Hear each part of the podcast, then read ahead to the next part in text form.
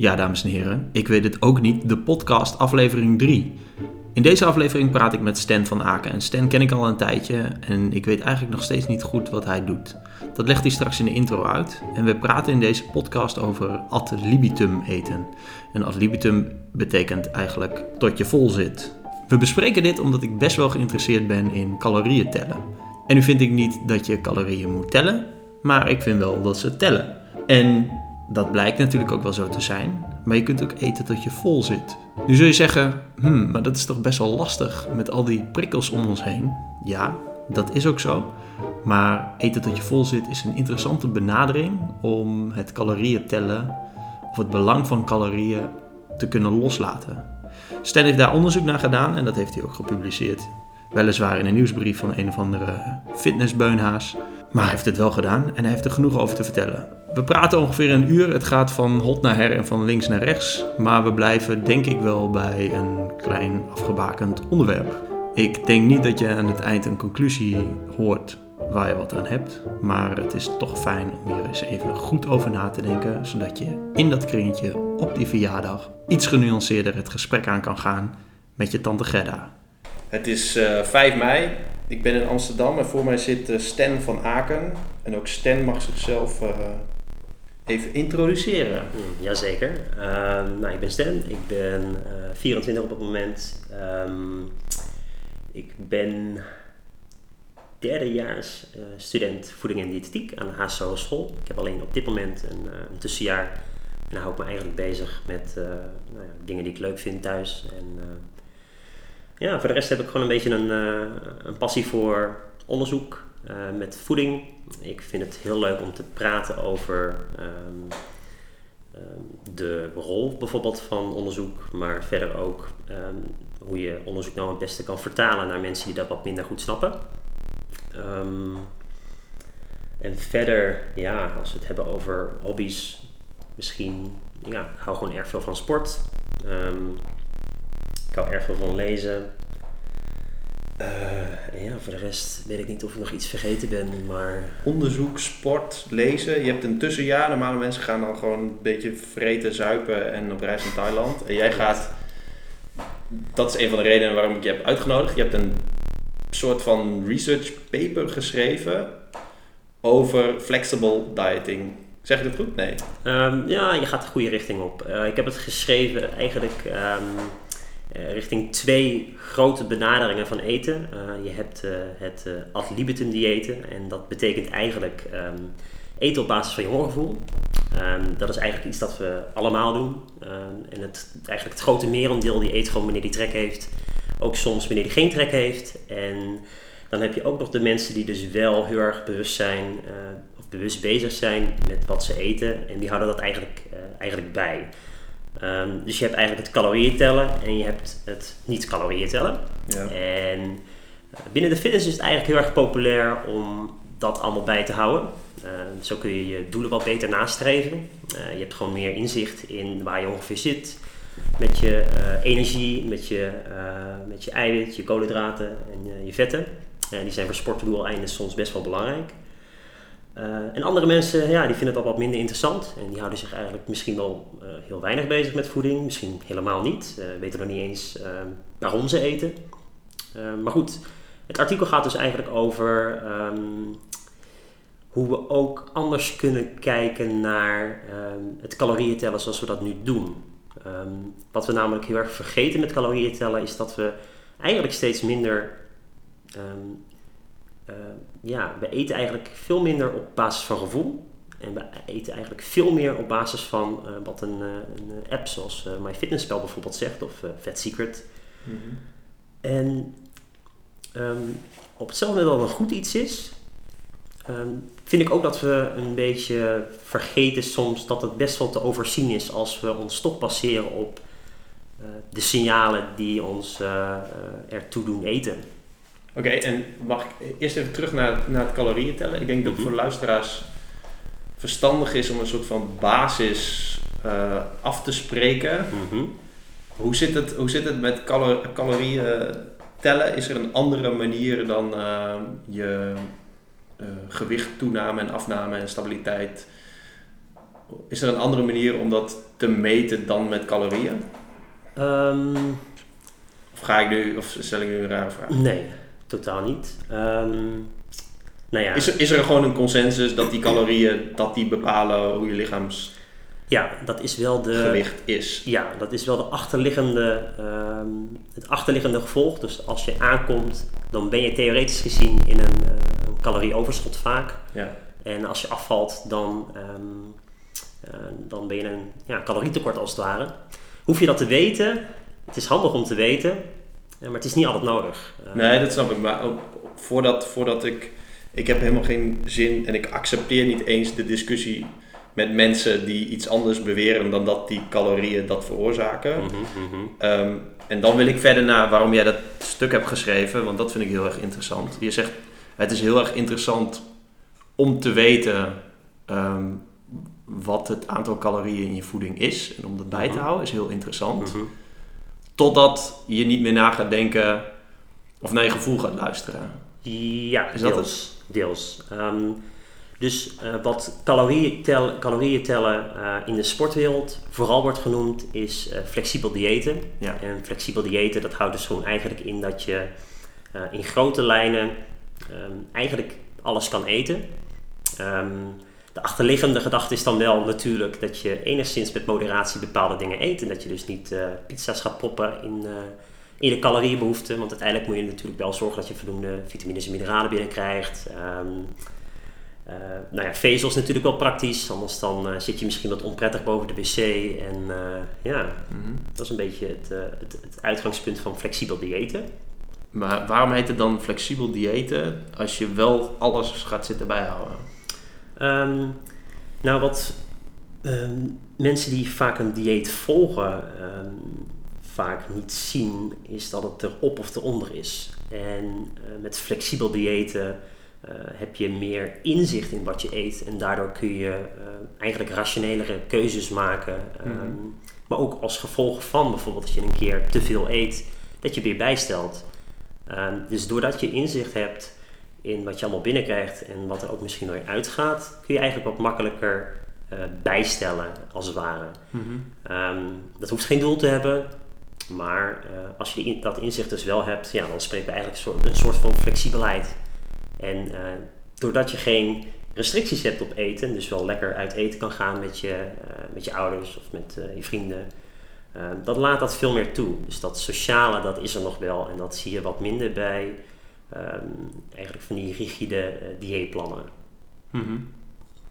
Die, die gewoon zeggen dit is goed en, en dit is fout. Ja, en daar heb ik deels een beetje in mijn artikel over geschreven van oké, maar ehm, op zich hebben die rigide diëten, ehm, of de diëten die dus eigenlijk mm, erg gebouwd zijn op bepaalde eh, richtlijnen, die hebben ook wel een punt. Ehm, dat wil niet zeggen dat ze beter zijn dan andere diëten. ehm, maar het achterliggende punt waar ik dus over geschreven heb, is dat deze diëten dus eigenlijk via die richtlijnen een tekort kunnen creëren in calorieën.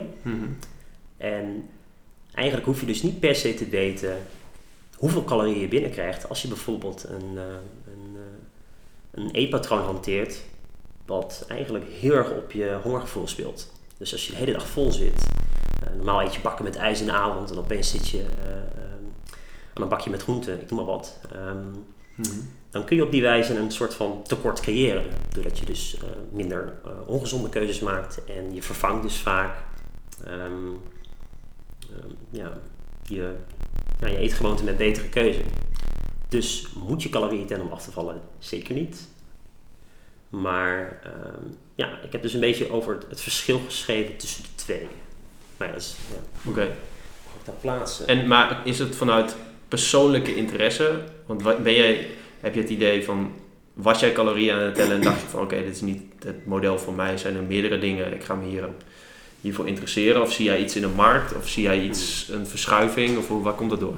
Ehm, ehm, ik denk deels persoonlijk. Ik heb het zelf een tijd eh, losgelaten. En ehm, nou ja, uiteindelijk heb je toch wel een soort van rekenmachine nog in je hoofd zitten. Die Ja. dan eigenlijk nog gaat meetellen terwijl je er niet mee bezighoudt.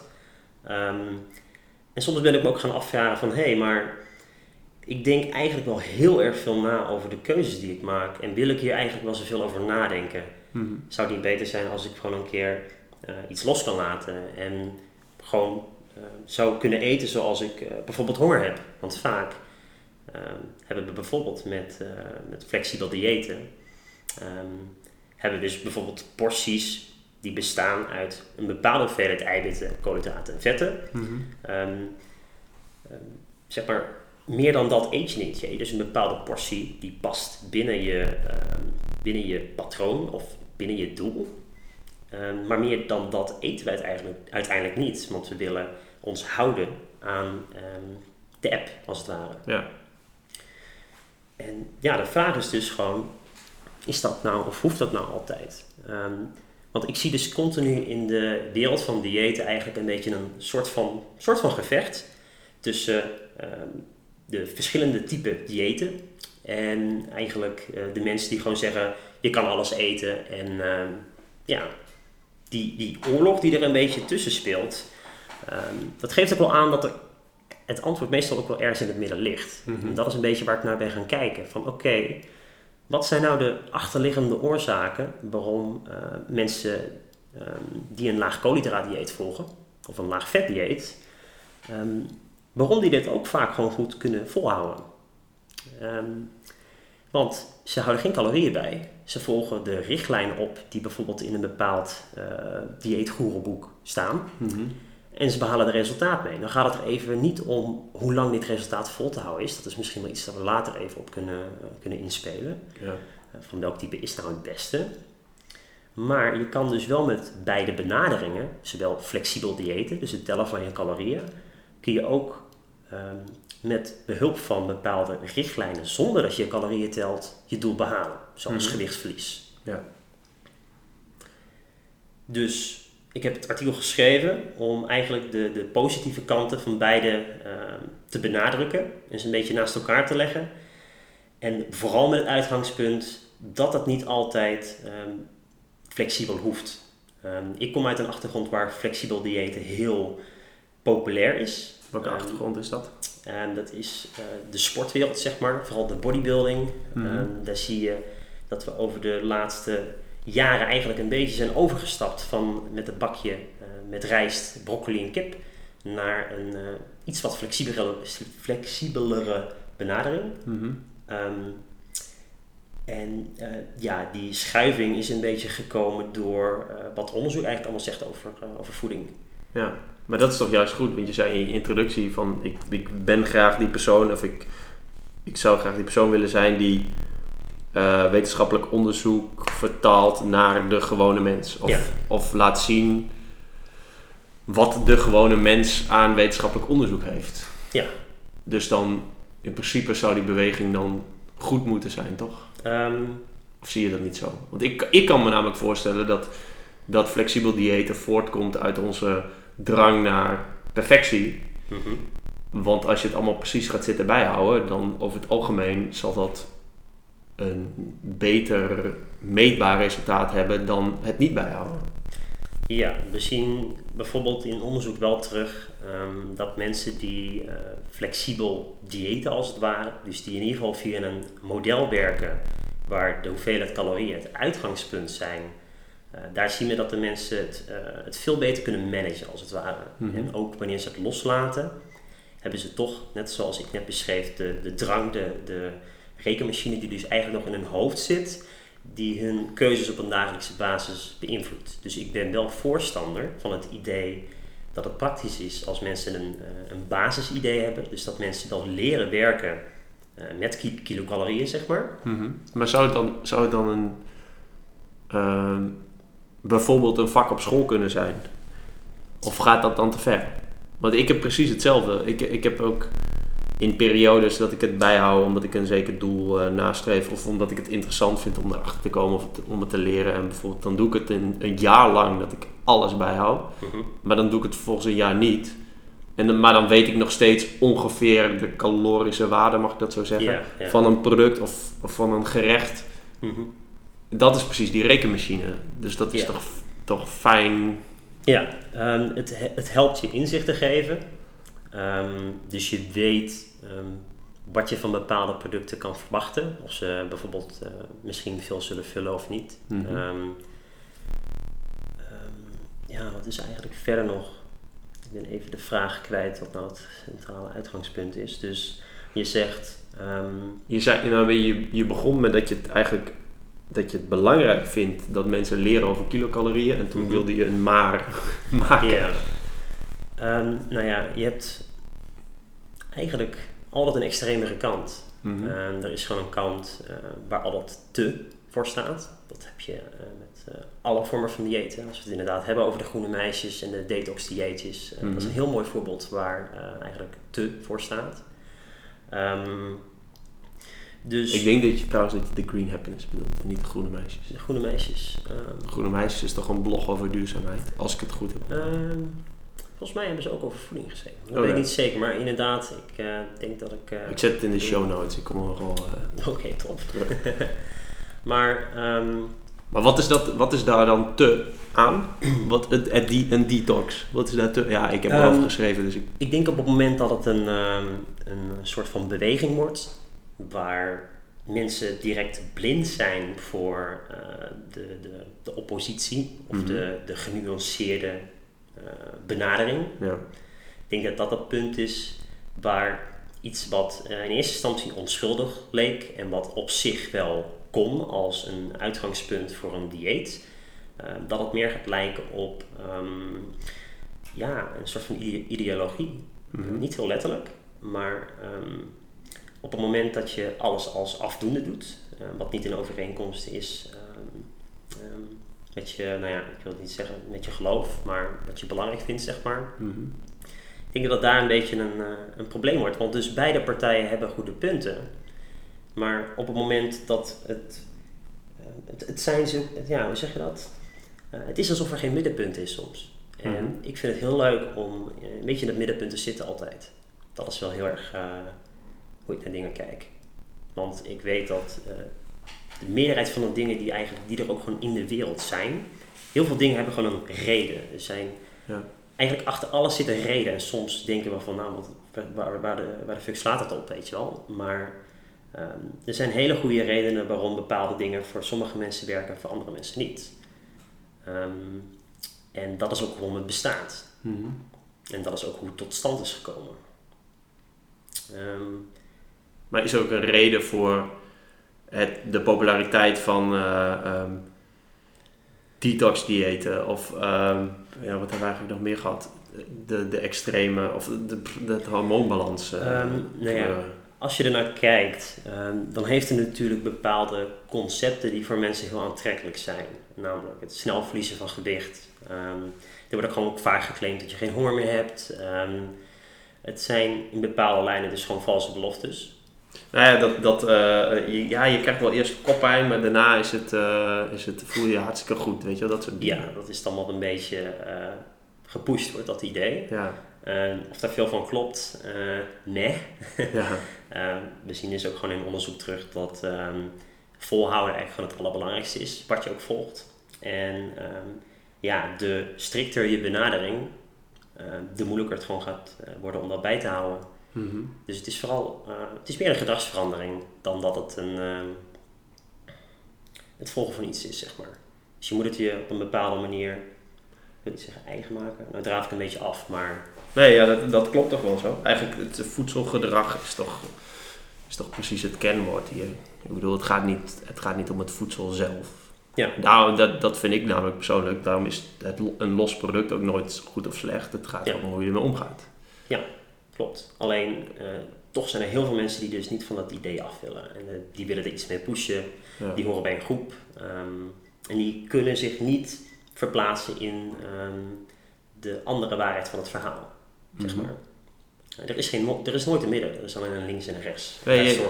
Wat, wat was de post ook weer die jij deed op Facebook eh, met daarin It Depends? Dat was toch Ehm, laatst. oh, ja. Ik had een klein stukje geplaatst over ontbijten. Dat zou een mooie titel zijn voor een dieetboek. It Depends. It depends. Ja. Wow. Ja, nu, dat, nu je het zegt. En ik denk niet eens dat het een heel dik boek zou, zou zijn. ja, dat is een hele goeie. Ja. Nou, ik had het dus geschreven. ehm, ja, Nou ja, precies om die reden. It depends. We zullen al heel gauw ehm, springen naar een bepaalde conclusie. Maar eh, als we die bekijken in een andere context, dan zien we toch dat het antwoord gewoon vaak in het midden ligt. En dat heeft soms gewoon een goede reden. Dus Ja. de post ging over ontbijten. En ehm, wat je eruit moet meenemen is dat mensen die normaal ontbijten, die moet je geen ontbijt eh, afnemen, zeg maar. En mensen die niet ontbijten, die moet je geen ontbijt geven. Want in beide gevallen zal de persoon die het ontbijt overslaat, ehm, nou ja, sommige mensen noemen het gunstig, maar die zullen ehm, vaak wat minder binnenkrijgen. En nou ja, die kunnen daar uite- uiteindelijk iets minder door eten. Maar die zullen zich op dat moment wat ellendiger voelen, omdat hun lichaam heel erg gewend is om op dat tijdstip te eten. Ja. En mensen die dus niet ontbijten, die hebben ook automatisch in de ochtend geen eh, honger voor een ontbijt. Want die eten dat normaal niet. Die eten pas om half twaalf, als ze er om acht uur uitkomen. Maar als je die mensen een ontbijt geeft, dan zie je juist weer terug dat die mensen overeten. Ja. En ze overeten zonder dat ehm, hun gevoelens van, eh, van honger, zeg maar, veranderen. Je zou verwachten dat als mensen meer eten uiteindelijk, ook al eet je op een bepaald moment niet, eh, dat je dan wel je voller voelt of zo door de dag heen. Maar dat is dus niet wat je terug zit in Is, onderzoek. is dat niet het- dat, dat mensen dan te veel naar de klok kijken? Want jij, wat je beschrijft eigenlijk mij, want ik ontbijt ook niet. En dan Mhm. ga ik om half twaalf of om elf uur even iets eten en dan Ja. pak ik mijn lunch. Maar inderdaad, ik denk ook dat precies hetzelfde zou gebeuren. Als ik zou gaan moeten ontbijten vanwege een of andere dieet of iemand zegt dat tegen mij, Mhm. zou ik net zo goed dat hele ding van, of de hele, eh, het hele dieet van mijn dag aanhouden. Dus er komt er Ja. gewoon een maaltijd bij. En dat heeft dus geen verdere invloed op eh, hoe vol je bent eigenlijk. Behalve dat je in de ochtend wat gegeten hebt. Ja. En, maar ja, uiteindelijk is het dus een soort van eh, biologische klok. Dat noem je ook wel, ook wel het eh, circadiaanse ritme.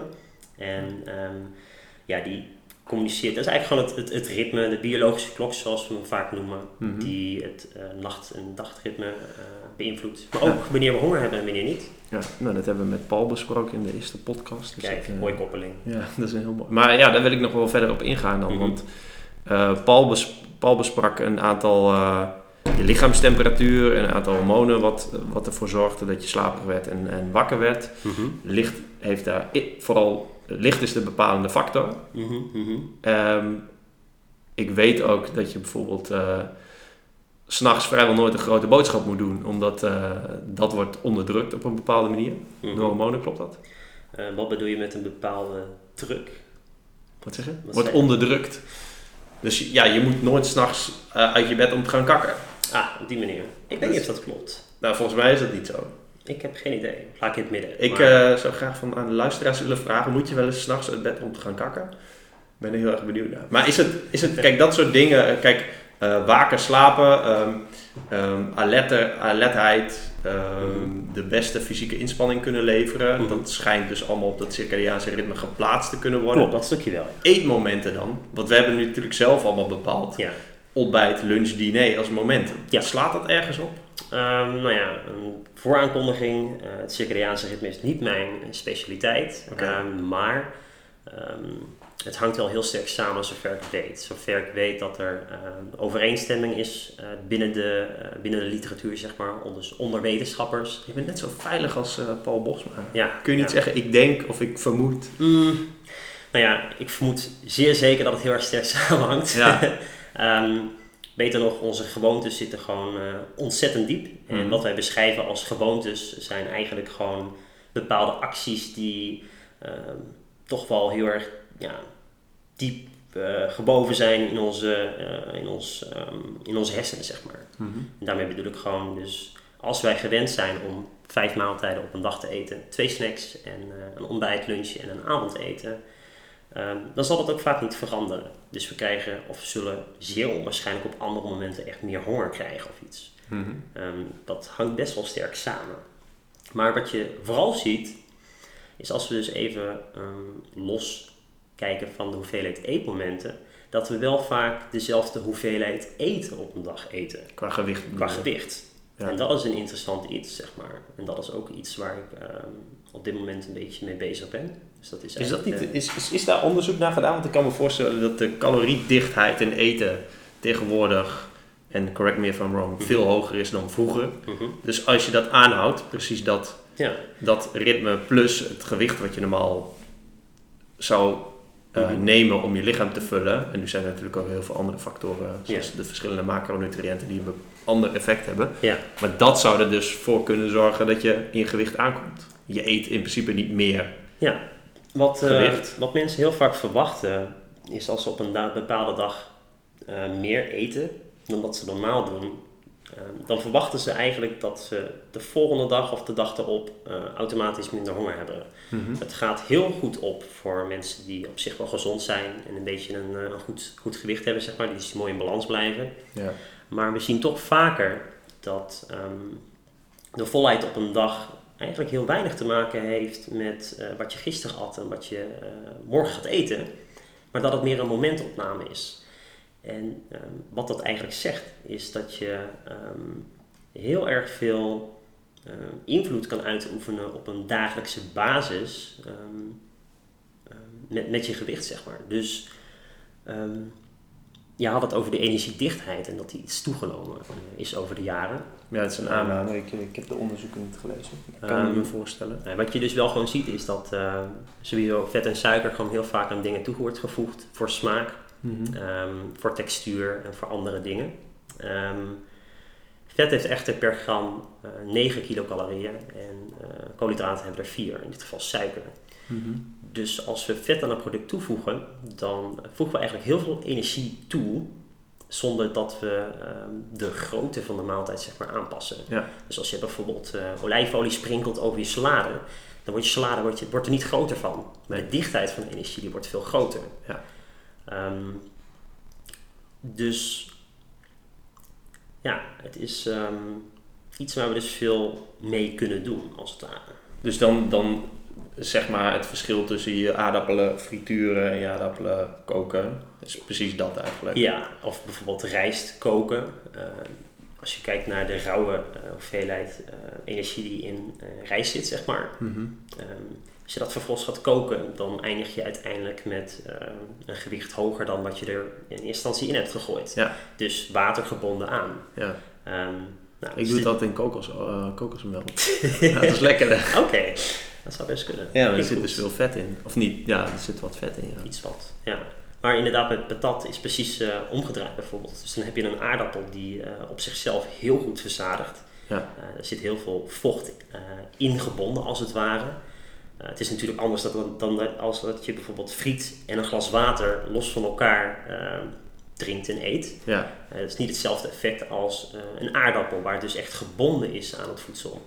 Want die bindingen, die dus uiteindelijk ook het water ehm, koppelen aan eh, de zetmelen in de aardappel, Mhm. eh, die moeten dus gescheiden worden. Dus eigenlijk het lichaam moet meer moeite doen om, eh, om het eh, Ja. af te breken.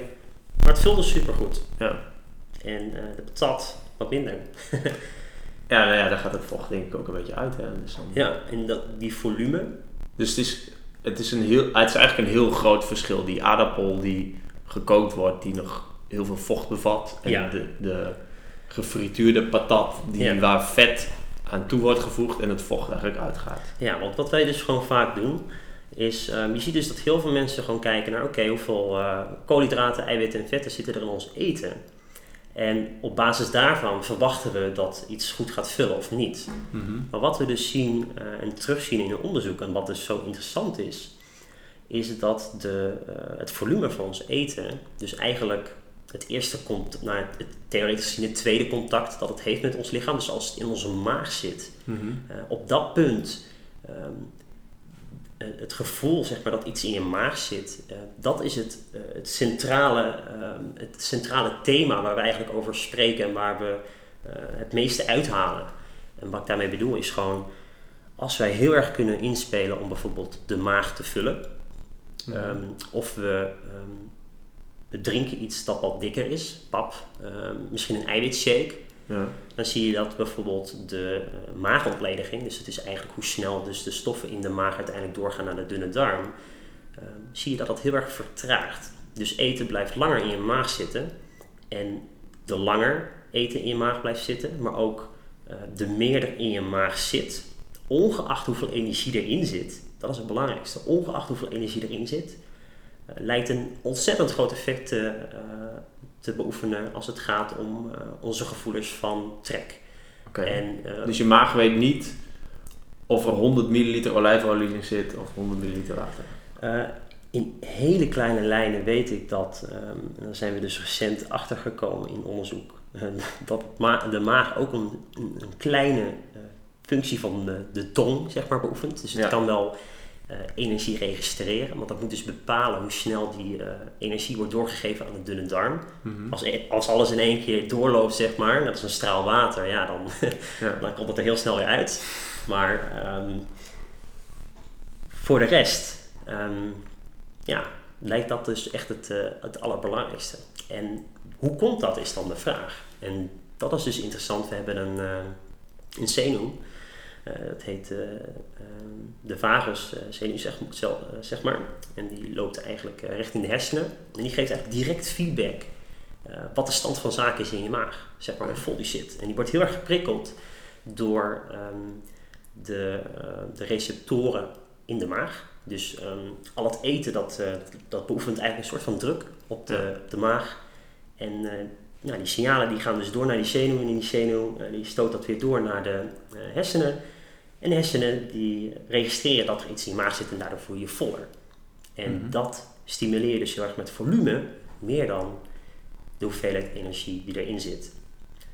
Ehm, Kunnen, we- kunnen we al praktische tips geven aan mensen die nu luisteren? eh, Als zij in, een, Kan. eh, in de kiosk staan op eh, spoor 7b, mhm. moet ze, is, is, kunnen we nu al zeggen van oké, maar ga dan voor veel volume? Ehm, Of, of eh, is het heel erg kort door de bocht? Nou, dan moet je je afvragen waarom staan we in de kiosk op spoor 7B. en daar staan we vaak omdat we eh, trek hebben in een snack. En dan komen we al op Maar ja, of we zien die snack. Ja, maar je gaat niet naar een kiosk voor een maaltijd. Nee. We gaan voor een snack. Ja. En daar zit al een heel groot verschil in perceptie. Want we weten dat die snack ons niet gaat vullen. We zullen dus al heel gauw niet de keuze maken dat, ehm, ehm, dat die ons gaat vullen. We zullen veel eerder hebben van, nou, ik, eh, ik heb echt wel zin in iets eh, qua textuur, weet je wel. Ja, iets knapperigs of eh, iets zoets. Of we denken van, hé, hey, ik heb vandaag super hard gewerkt. Ik, ik verdien dit wel of ik verdien dat wel. Dus wat we vaker in de kiosk doen, is ehm, we gaan iets kopen en daar willen we onszelf op een bepaalde wijze mee belonen. Ja. Dat is wat we het meeste zien. Maar als je het hebt over praktische tips, ja, dan zal vanzelfsprekend volume ehm, het belangrijkste zijn. Wil je nou eh, een langere tijd geen honger meer krijgen? Ja. Maar ja, wat de meeste doen, mensen doen is, mensen die gaan gewoon hun dagelijkse ritme door. En als ze bij de kiosk komen, eh, dan is dat, nou ja, ik weet niet of dat altijd zo is, maar meestal is dat een snack bovenop een snack. Want als ze op het werk zijn, dan eten ze ook nog een appeltje en, Mhm. een, eh, en een banaan. Ehm, dus ja, volume zou dan wel belangrijk zijn. Maar ja, ik weet niet wat je allemaal bij de kiosk hebt, want ik eh, haal zelden koffie. Ik vind fruit te duur bij de kiosk. Ehm, maar het zou wel kunnen. Dus ehm, ja, als je dan moet gaan met een bepaalde keuze. Oei. Nou ja, ik vind het interessant gegeven dat, dat, dat, de, dat een snack eigenlijk gaat helemaal niet over eten, maar gaat inderdaad, wat je zegt, de behoefte aan stek- textuur, smaak, Ja, genot, klopt. beloning. Ja. Dus dan, maar ja, mensen die zo'n zakje gesneden appels kopen, Mhm. die ja, zullen het dan altijd met tegenzin opeten. of in de meeste gevallen. Ja, Hey, ik hou bijvoorbeeld wel heel erg van worteltjes, knapperige worteltjes. Ja, Maar dat is dus een, een textuur iets. En jij kan me een kilo knapperige worteltjes geven en ik blijf ze dooreten. Vaak, tot een bepaald punt natuurlijk.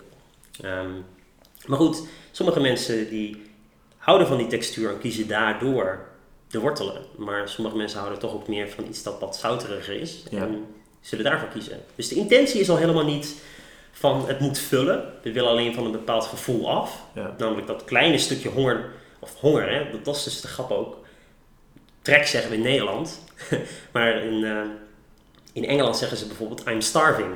Mhm. En starving, ja, dat betekent letterlijk ehm, verhongeren. ja.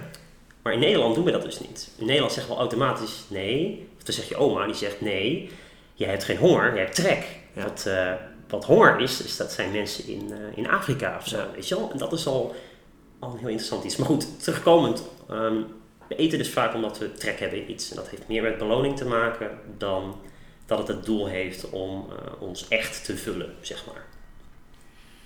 Ehm, Oké, en als je in de supermarkt, ehm, neem gerust je AA Energy Drink. Oké, ja. Ehm, als je in de supermarkt loopt, ga je dan, is dat, ja, ik weet niet of ik jou deze vraag kan stellen en of je er antwoord op kan geven. Mhm. Is dat dan dezelfde mindset die je hebt als je kiosk inloopt? Je pakt je karretje of je mandje. Eh, ja, dat kan verschillende redenen hebben. Sommige mensen gaan even snel naar de supermarkt. Ehm, maar Maar is, is, zijn de keuzes in de supermarkt dan ook gericht op dat beloningssysteem in je deels, lichaam? deels. Eh, je ziet ook dat verschillende supermarkten... Maar, of doen we daar ook hele verstandige aankopen? Ehm, nou ja, er wordt altijd gezegd, eet wat voordat je een supermarkt inloopt. Ja. Ehm, om zo betere of meer rationelere keuzes te kunnen maken. Want je zal eerder iets kopen eh, omdat je trek hebt in iets snels... Mhm. ehm, dan dat je echt een maaltijd wil maken en daarvoor die ingrediënten koopt. Ja. Dus het heeft natuurlijk twee kanten, het verhaal. Ehm, maar is er daadwerkelijk onderzoek naar gedaan of is het een eh, old wives' tale? ehm, specifiek dat stukje over ehm, dat je iets moet eten voordat je... Ik zou hem graag in de show notes willen zetten. of is het van Brian Wansink? Oh, nou, eh, het kromme is ook nog... Goede onderzoeker trouwens. Ja, heel veel van zijn dingen zijn dus een beetje verworpen. Niet in letterlijke zin, maar hij blijkt toch op een, bepaalde, eh, een bepaald niveau fraude te hebben gepleegd met Ja. gegevens. Dat is zonde. Want heel veel onderzoek van voeding is daar nog een beetje op gebaseerd, zeg maar. Ja. Maar goed, Even voor de luisteraars, even tussendoor. Brian Wansink is een onderzoeker met heel veel, ja, heel veel gepubliceerde werken en geciteerde werken. En die is door de Nederlandse onderzoeker Tim van der Zee, zeg ik dat goed? Mhm. Die is daar helemaal ingedoken en die heeft, op heel, veel, heeft heel veel haken en ogen Ja, gevonden. Ja, waardoor- Groningen kwam weer volgens mij. Was het? In ieder geval zat zat bij de universiteit. Oké. Ja. En ehm, daardoor is het dus, zijn er dus veel onderzoeken over... Ja, want als je heel vaak geciteerd wordt, dat is een soort olievlek. Ja. Dus er zijn heel veel onderzoeken nu opeens wankel. Kan ik dat zo zeggen? Of is het een... eh, Ehm, kan. Ja, ik vind het Het is wel weer voer voor allerlei mensen die zeggen van... Ja, al dat onderzoek dat er gedaan wordt naar voeding, dat klopt allemaal niet. Zie dit, dit voor, voorbeeld. Nou ja, er zijn altijd rotte appels, zeg maar. Ja. En wat het ons leert is dat we het proces moeten verbeteren. Dat is eigenlijk wat het zegt. Ik, Proces ehm, van wat? Het proces van waarop onderzoek tot stand komt. Het eh, proces waarop eh, onderzoek eh, eigenlijk ehm, gecontroleerd wordt door anderen, die dus daar onafhankelijk in staan. Ja. Net zoals dat je collega even kijkt of je je werk goed hebt gedaan. Ehm, Die peer heet het dan. ja, de peer, de peer review. Ja. Ja. En ja, het leert ons dus om scherper te blijven. Ehm, maar ik zou niet gelijk het hele veld afdoende doen. Ik denk dat dat wel een fout is. En dat zien we ook, eh, ja, ook in andere velden terug. Daar wordt, doordat er een paar, een paar onderzoeken best wel zwak zijn binnen de psychologie. Die heeft eh, volgens mij een tijd terug een flinke klap gehad.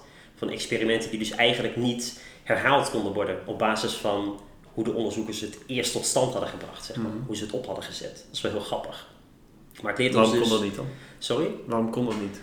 Ehm, nou, dat is dus het interessante. Ehm, als je een, eh, een onderzoeksvraag hebt en je gaat hem testen ehm, en je komt met een bepaald resultaat, uiteindelijk eh, beschrijf je in je onderzoek, waar je dus je resultaten publiceert, daar beschrijf je hoe je tot eh, de uitkomsten bent gekomen. Ja. Dus je hebt de methode eh, in het onderzoek en dat beschrijft dus alles over, oké, eh, ik heb stap A tot en met Z ondernomen en zo Ja. ben ik tot dit resultaat gekomen. Maar er Ja. zijn dus andere onderzoekers geweest die dus die stap A tot en met Z hebben herhaald Ja. en die zijn dus totaal tot andere uitkomsten gekomen. Dus uitkomsten die niet eens merkwaardig waren, terwijl de, in eerste instantie de bevinding best wel eh, belangrijk was. ja. Maar dat is een voorwaarde van onderzoek. Toch? Ehm, Dat je dat beschrijft. Replicatie. Ja. Dus ja. Oké, maar dat was in de psychologie, dus nu is het... En, en wat, is daar uitge- wat is nu de status dan? Wat, wat, wat gebeurt daar in, die- Ja. in dat veld? Ze noemen het de, de replicatiecrisis op dit moment. Oké. Maar het houdt eigenlijk in dat toch wel heel veel mensen op dit moment veel scherper zijn, ook onderling. Het is ook een, eh, ik wil, niet, ik wil dat geen, geen subgroep noemen, of een, of een, het is natuurlijk een heel groot veld.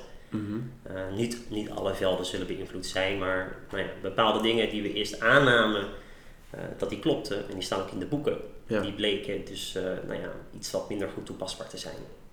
Dus ehm, Maar eigenlijk is het toch ook raar dat als je een onderzoek doet en dat dan publiceert, dat er, dat er dan op dat moment nooit iemand hetzelfde onderzoek op die manier heeft gedaan. ja, enigszins. Als, je, als dit soort dingen gebeuren.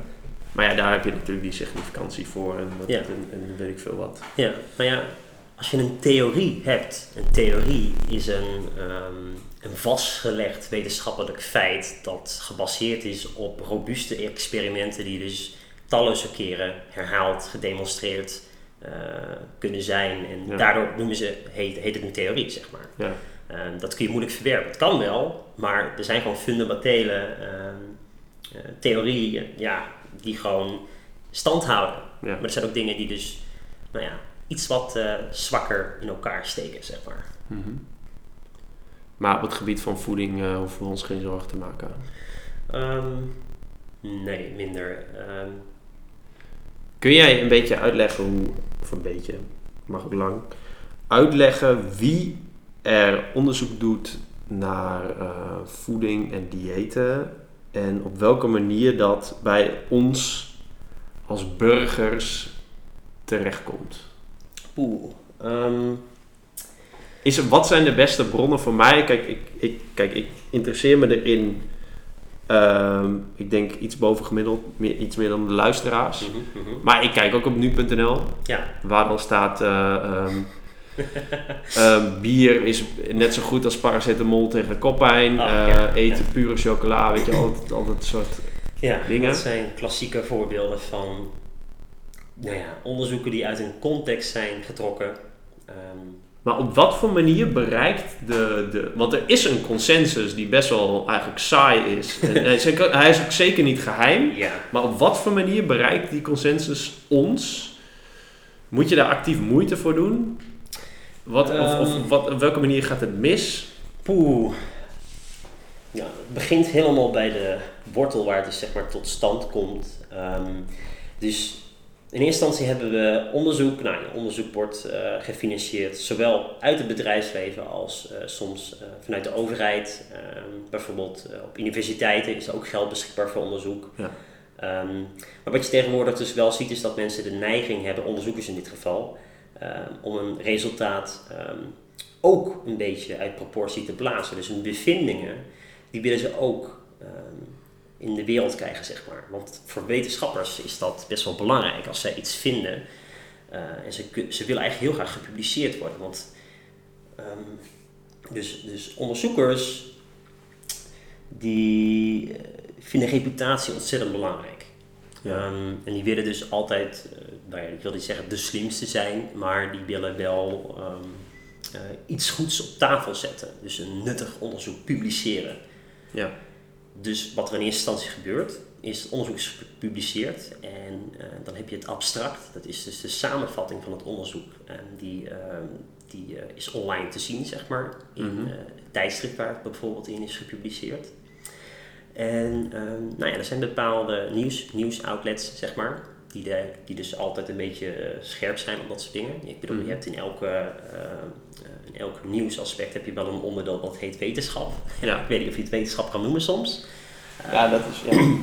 Maar ja, dan maar komen de onderzoekers tot een conclusie. En vervolgens zijn de verschillende media die dus eh, koppen gaan genereren. Ja. En dat is dus waar het vaak ehm, een bepaalde. eh, ze doen een bepaalde aanname soms. Of ze doen eh, best wel gedurfde uitspraken die nog verder of nog belachelijker zijn, nog groter zijn dan wat er daadwerkelijk in het onderzoek eh, staat. Dus mijn richtlijn zou zijn: negeer alles wat op nu- nu.nl staat. ja. Het is echt niet boeiend. Er is echt niet superveel veranderd eh, aan het voedingsveld over de laatste eh, tien jaar. Ehm, mensen verwachten wel van, oeh, nou er is nu weer iets nieuws, maar het is best wel saai, oprecht. Eigenlijk hoef je er tegenwoordig niet eens meer van op te kijken en neem alles maar met een, ehm, eh, met een graantje zout. Niet te veel, want eh, zout is eh, ook niet eh, extreem goed, maar ja, ja. Maar is er dan een omweg? Want eh, als je zegt van ja, vermijd nu.nl en allemaal rare uh, magazines online en uh, allerlei andere nieuwsites. Hmm. Zijn er dan wel outlets, ja nu gaan we een soort van doemdenken, maar zijn er outlets die je dan kunt vertrouwen? Uh, of, of, of moet ik dat zo niet zeggen? Of moet je als consument erop getraind worden om het goed te kunnen lezen? Of moet je het überhaupt niet lezen? Ik, ik, ik denk dat alle velden wel een rol te spelen hebben.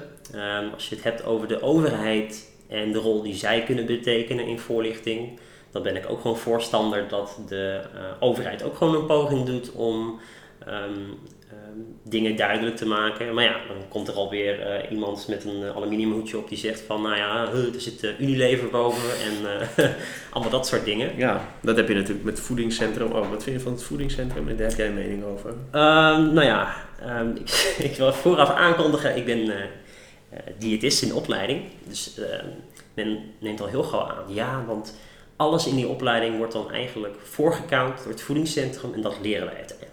Mhm. Dat is fout. Um, wat wij doen als diëtist in opleiding is dat we eigenlijk werken met, um, met gereedschappen, zeg maar, met uh, online bronnen. En als diëtist werken we dus ook als we dus een, um, een, iemand moeten informeren over iets, dan moeten we dus ook een bron kunnen aanleveren. En de eerste bron die we vaak aanleveren is bijvoorbeeld het voedingscentrum. Omdat het voedingscentrum, um, en sommigen zullen lachen, maar een onafhankelijke rol uh, in bepaalde dingen speelt. En daardoor... Waarom lachen, lachen mensen erom? Um, nou ja, bepaalde dingen die waaien nooit over. Uh, dus als je het hebt over dat alle uitspraken die door het voedingscentrum worden gedaan, uh, dat daar een, een, grote multinational achter zit. Dat is volstrekt belachelijk. maar er zijn mensen die dit oprecht heel serieus nemen en daardoor um, minder snel dingen zullen aannemen van oké, okay, wat, wat zo'n een, een overheidsinstituut zegt. In hoeverre het voedingscentrum zelfs nog betrokken is bij de overheid, weet ik niet eens. Want volgens mij is er in hun manier van financiering ook iets veranderd. Uh, om hun afhankelijkheid nog meer te, um, te benadrukken. Mm-hmm. En moet ook niet vergeten, daar werken mensen. En wij zien alleen een, een, een, vierkant huisje op een papiertje getekend met een vlaggetje erboven. Maar uh, het is een heel nou ja, bedrijf of een heel uh, initiatief aan mensen die um, werkt aan iets, aan een bepaalde boodschap. En ik, ja mensen laten heel vaak de mensen eruit. Maar um, om helemaal terug te komen op wat ik eerder heb gezegd, alles komt tot stand met een reden. En als je soms bedenkt dat er ook gewoon mensen zitten achter um, de dingen die worden gezegd, of achter een bedrijf, um, dan zie je daar ook, misschien kijk je daar iets humaner naar, zeg maar. En dat vind ik toch wel belangrijk om te benadrukken. Die mensen hebben ook goede bedoelingen. En ik zeg die mensen, nee, het zijn ook gewoon de onderlinge mensen zoals jij en ik. En om die nou allemaal om dan te durven te zeggen dat elk van hun gehersenspoeld is. En dat alles wat ik bijvoorbeeld in mijn opleiding leer, dat het voorgekoud is, gebaseerd op wat het voedingscentrum te zeggen heeft, of wat Unilever te zeggen heeft. Um, dat is niet wat we doen. Beter nog, creativiteit uh, wordt heel erg gestimuleerd ook binnen mijn opleiding. Maar goed, even los van dit alles. Dus ja, kijk, ik ben niet zo... De vraag was, wat vind je van het voedingscentrum? kun, je daar, kun je daar een kort antwoord op geven? Um, ik vind dat het voedingscentrum het goed doet. Maar is dat, is dat dan... Ja, ik heb geen zin om te, zeggen, om te vragen van... Moet je, als je moet kiezen tussen nu.nl en uh, Linda Nieuws en het voedingscentrum... Dan is, dan is het antwoord wel duidelijk. Ja, ja, het voedingscentrum. Dus ja. wil je iets weten over vezels, cholesterol... Al dat soort de, de, de usual suspects, zoetstoffen... Dat Ja. soort dingen waar mensen zich druk Ja. om maken... Check voedingscentrum. Maar goed, het zijn nog steeds voorgekoude antwoorden. Net zoals ehm uh, Linde dat doet en net zoals ehm uh, nu.nl dat doet. Dus dan... Nee, maar op voedingscentrum.nl zal nooit staan... ehm, deze man at een maand lang komkommers en dit is what, this is what happened. Nee, Toch? dat zul je niet vinden. En, en je gaat eh, dan ook niet je vriendin taggen van... joh, we moeten nu een maand lang komkommers eten. Nee, Toch? nee, nee, dat is niet wat er gebeurt. Nee. Dus... en ik snap dat mensen op zoek zijn naar sensatie en niet naar nuance. Klopt, ja, dat is saai. Ze willen Ja. voorgekoude informatie die uh, een, beetje, oh, een beetje interessant is. Ja, die, maar die ook hoop geeft denk ik, naar, Ja. naar een quick fix. Tuurlijk. Of naar een geheim. Dat Ja. is denk ik misschien nog wel de, het voornaamste. Ja, Of de, ja, de de ultieme lifehack. Juan Pons de Leon met de, de, de bron van de eeuwige jeugd. Ja, ja, ja. ja. ja. Dat is toch ja, wat, je, wat je wil eigenlijk. Dat is mensen eigen. En wat kun je er uiteindelijk aan doen, waardoor mensen misschien toch gaan, anders gaan kijken naar eh, de verschillende informatie om hen heen. Ja, dat is toch een bepaalde manier van, eh, van kritisch denken, zeg maar. Ja. Maar ik zeg altijd maar, en dit is voor heel veel mensen toch wel een. eh, nou ja, het is moeilijk nadenken over dit wat ik nu ga zeggen. Maar zo, zo robuust als jij in jouw eigen werkveld serieus bent over wat je doet. En bijvoorbeeld hoe je, eh, als je binnen je werk aan iets werkt, hoe je dan tot een eh, bepaald resultaat komt, zeg maar. Dat is ook hoe het in elk ander beroep gaat. Dus we werken allemaal enigszins via een soort van systematische wijze, waardoor we eh, betrouwbare informatie kunnen genereren voor, ik noem maar wat. Stel je voor, we hebben een, ehm, een regisseur bij de politie. Mhm. Een regisseur, die doet eigenlijk ook een, een nou ja, enigszins officiële manier van onderzoek. Dus eh, die verzamelt ook gegevens, net zoals dat in de wetenschap gaat. Ehm, eh, nou, die zal een bepaalde aanname hebben. Nou, hij gaat alles analyseren en komt met uitkomsten. Maar ja, plus hij Maar- zegt hoe hij het heeft gedaan. Of Ja. dat staat in een protocol. Maar toch is er bijvoorbeeld een regisseur die niet helemaal gelooft in eh, de wetenschap van voeding. Ik noem maar wat. Mhm. dan is het eigenlijk best wel gek. Want de mensen in het voedingsveld gebruiken dus, als je kijkt naar het achterliggende concept, zeg maar, hetzelfde principe. Namelijk, ehm, je doet informatie op en je komt met een bepaald resultaat uiteindelijk. Ja. En dat vergeten we heel vaak. Als mensen ehm, kunnen handelen, kunnen denken zoals ze dat zelf in hun eigen werkveld doen en dat kunnen verplaatsen naar een ander werkveld, dan denk ik dat we het allemaal veel beter met elkaar kunnen maken. Want we hebben normaal weinig begrip voor, eh, ik noem maar wat, als we het hebben over de gemeente, dan, eh, oh, de gemeente is dit, de gemeente is dat, totdat je erin gewerkt hebt Ja.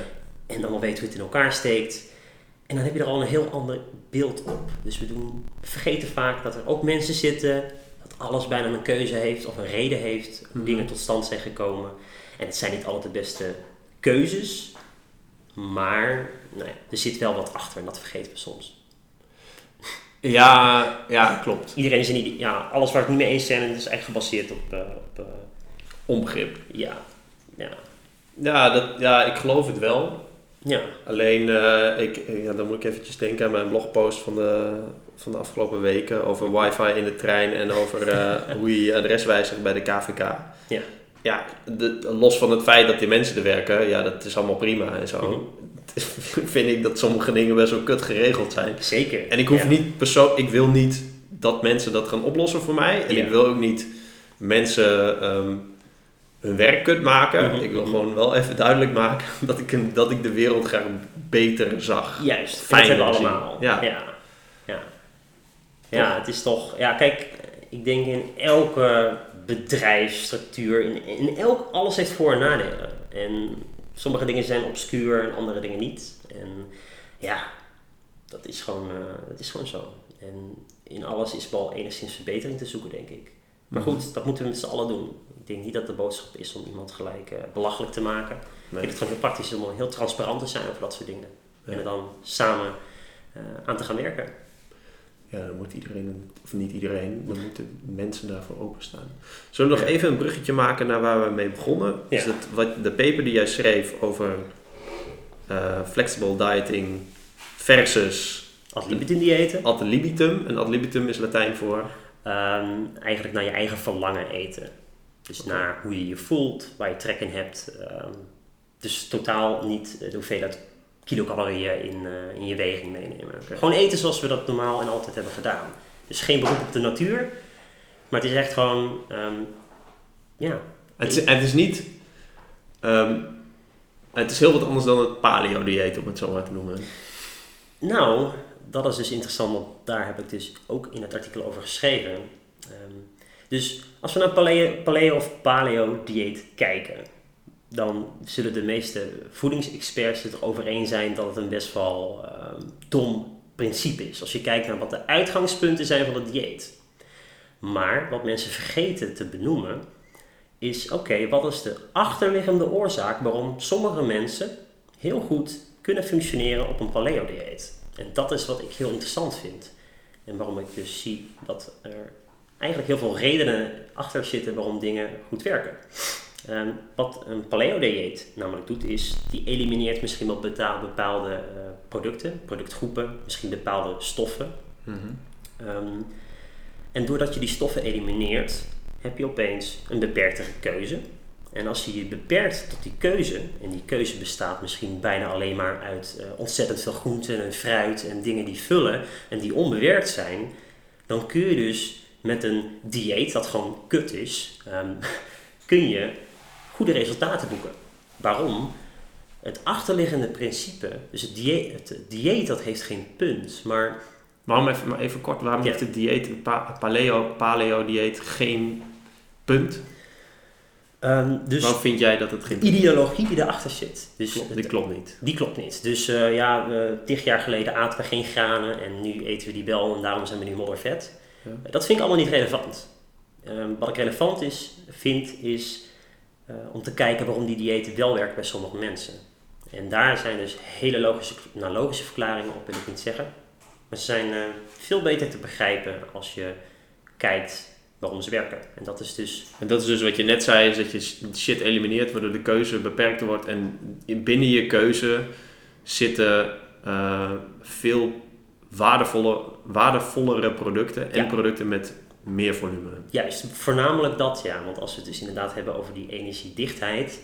ehm, als je sowieso onbewerkte producten eet, ehm, je tieft er niet te veel bij, dan is die dichtheid sowieso al lager. Want nou ja, aan Ja. dingen die energiedicht zijn of energiedichtrijk zijn, er zit al meer vet en suiker aan toegevoegd. Maar goed, dus Energiedicht rijk.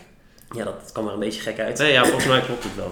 Ja, Ik ga de definitie ook in de show notes zetten. Ja, maar het heeft dus wel een, een punt, als in dat die energiedichtheid heel belangrijk is. En dus in diëten, laag koolhydraatdiëten, Atkins, Weight Watchers, alle populaire Amerikaanse diëten, ehm, maar ook andere benaderingen. Ja, noem maar wat. Ehm, als je iets elimineert, heb je minder keuze.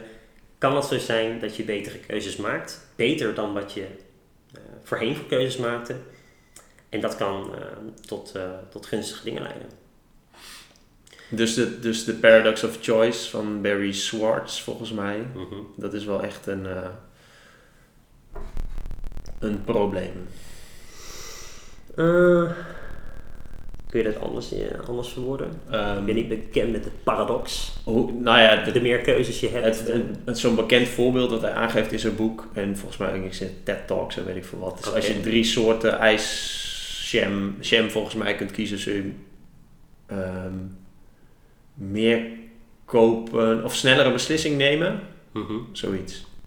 Dan dat je meer keuze hebt. Oh nee, maar dan, dan klopt het niet meer wat ik net zei. Nou, het is lastig. Nee, ik vind het lastig. Ja, Misschien knippen we dit eruit. ja misschien. Nee, ik we laten het erin. Alleen, ehm, wat ik eigenlijk wilde zeggen is dat minder keuze beter voor ons is. Voor sommige mensen is het beter. En, en daarbij klopt het wel, wel met wat Barry Schwartz zei. Ja, Ja. ja. Ehm, En terug, terug naar eh, ad libitum, mhm. Liefde. libitum Mhm. versus paleo. Paleo gaat uit van een, eigenlijk een droomwereld die er niet is, een omgeving. Maar het is En- een ad libitum benadering. De ad libitum benadering gaat uit van mensen zelf. Zeg ik dat goed? Is dat de Ehm, conclusie die we... Ik zou hem anders, ik zou hem anders verwoorden.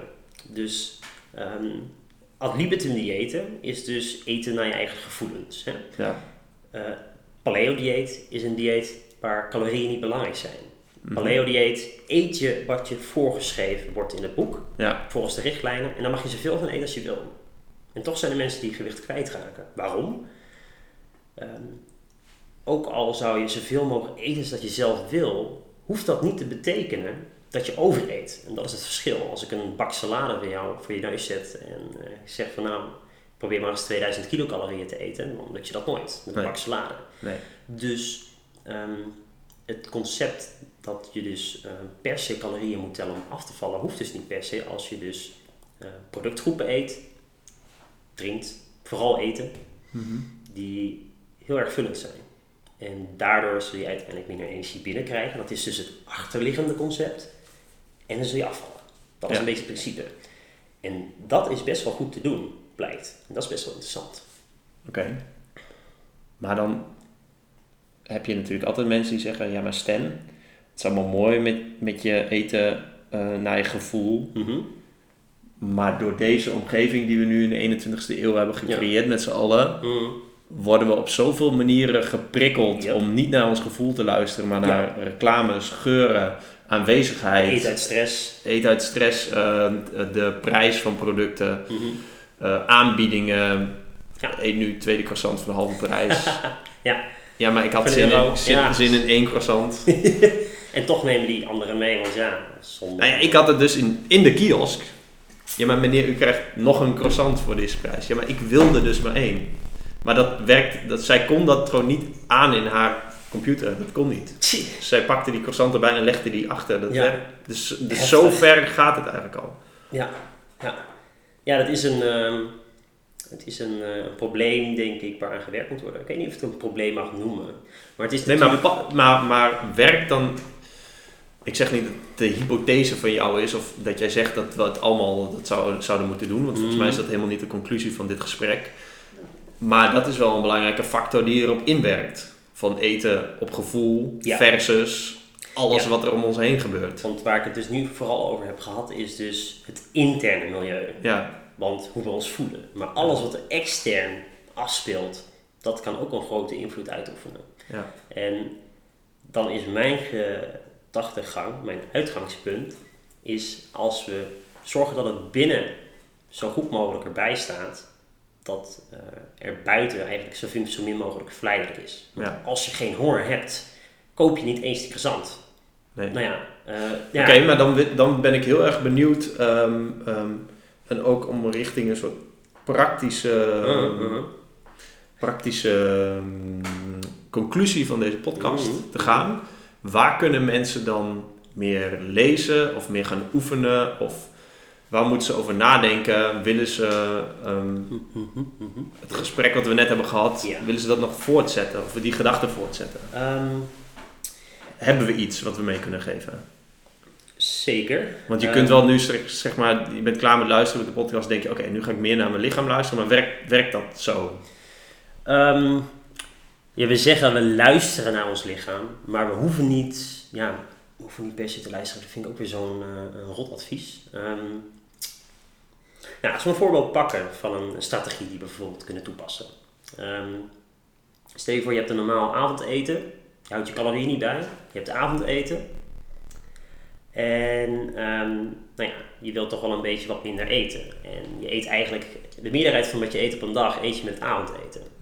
Wat je kan doen als een benadering is voordat je dat avondeten gaat eten, begin je eerst bijvoorbeeld met een grote salade. Die niet helemaal ondergesprenkeld is met olijfolie. Ehm, maar wat je dus wilt doen, is dat je ehm, iets met volume eerst op de tafel wil zetten. Dat eten, dan doe maar wat. Vijf, tien minuten wachten. Er zit gewoon even tijd tussen eh, wat je voor het avondeten eet Mhm. en wat je daadwerkelijk eet met het avondeten. En je ziet dus heel veel in onderzoek terug dat mensen minder eten dan dat ze dat normaal doen. Als je daarvoor iets geeft dat heel erg inspeelt op bijvoorbeeld volume.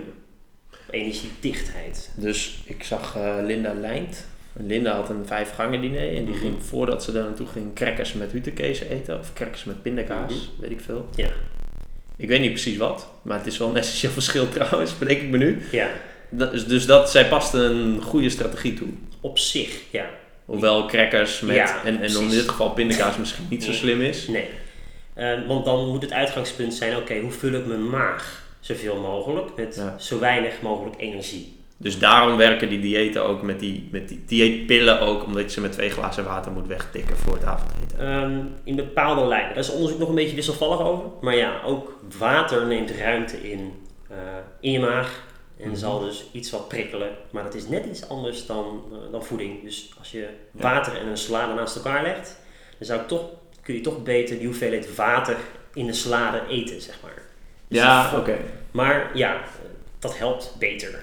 Maar ja, het smaakt natuurlijk voor geen meter om sla te gaan zitten eten met komkommer en tomaat. Nee, dat klopt. Dus dat moet je, daar moet je een bepaalde nuancering in vinden. Ehm, maar het uitgangspunt is bijvoorbeeld met dat eh, vijf eh, gangen diner. ehm, hoe eet je zo min mogelijk? Nou, dat is dus een bepaalde volgorde hanteren. eh, waardoor je weet dat je eerder vol zal zitten. Mhm. Ehm, want we kunnen allemaal ijs eten nadat we gegeten hebben. We hebben altijd ruimte voor een toetje. Ja. Wat zegt dat dan of we vol zitten of niet? Ja. We eten dus ook uit beloning.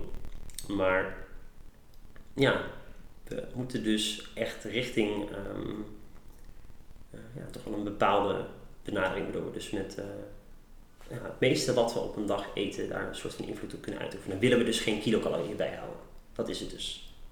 En dan wordt het een beetje vaag, denk ik. Ja, nou ja, ik vind het helemaal niet erg om deze podcast vaag te eindigen. Volgens mij eh, is het flink wat stof tot nadenken. En volgens mij hoeven we ook niet per se op zoek te gaan naar een boek wat beschrijft wat je precies moet doen. Want dat is nou juist niet wat we willen Ja, hiermee.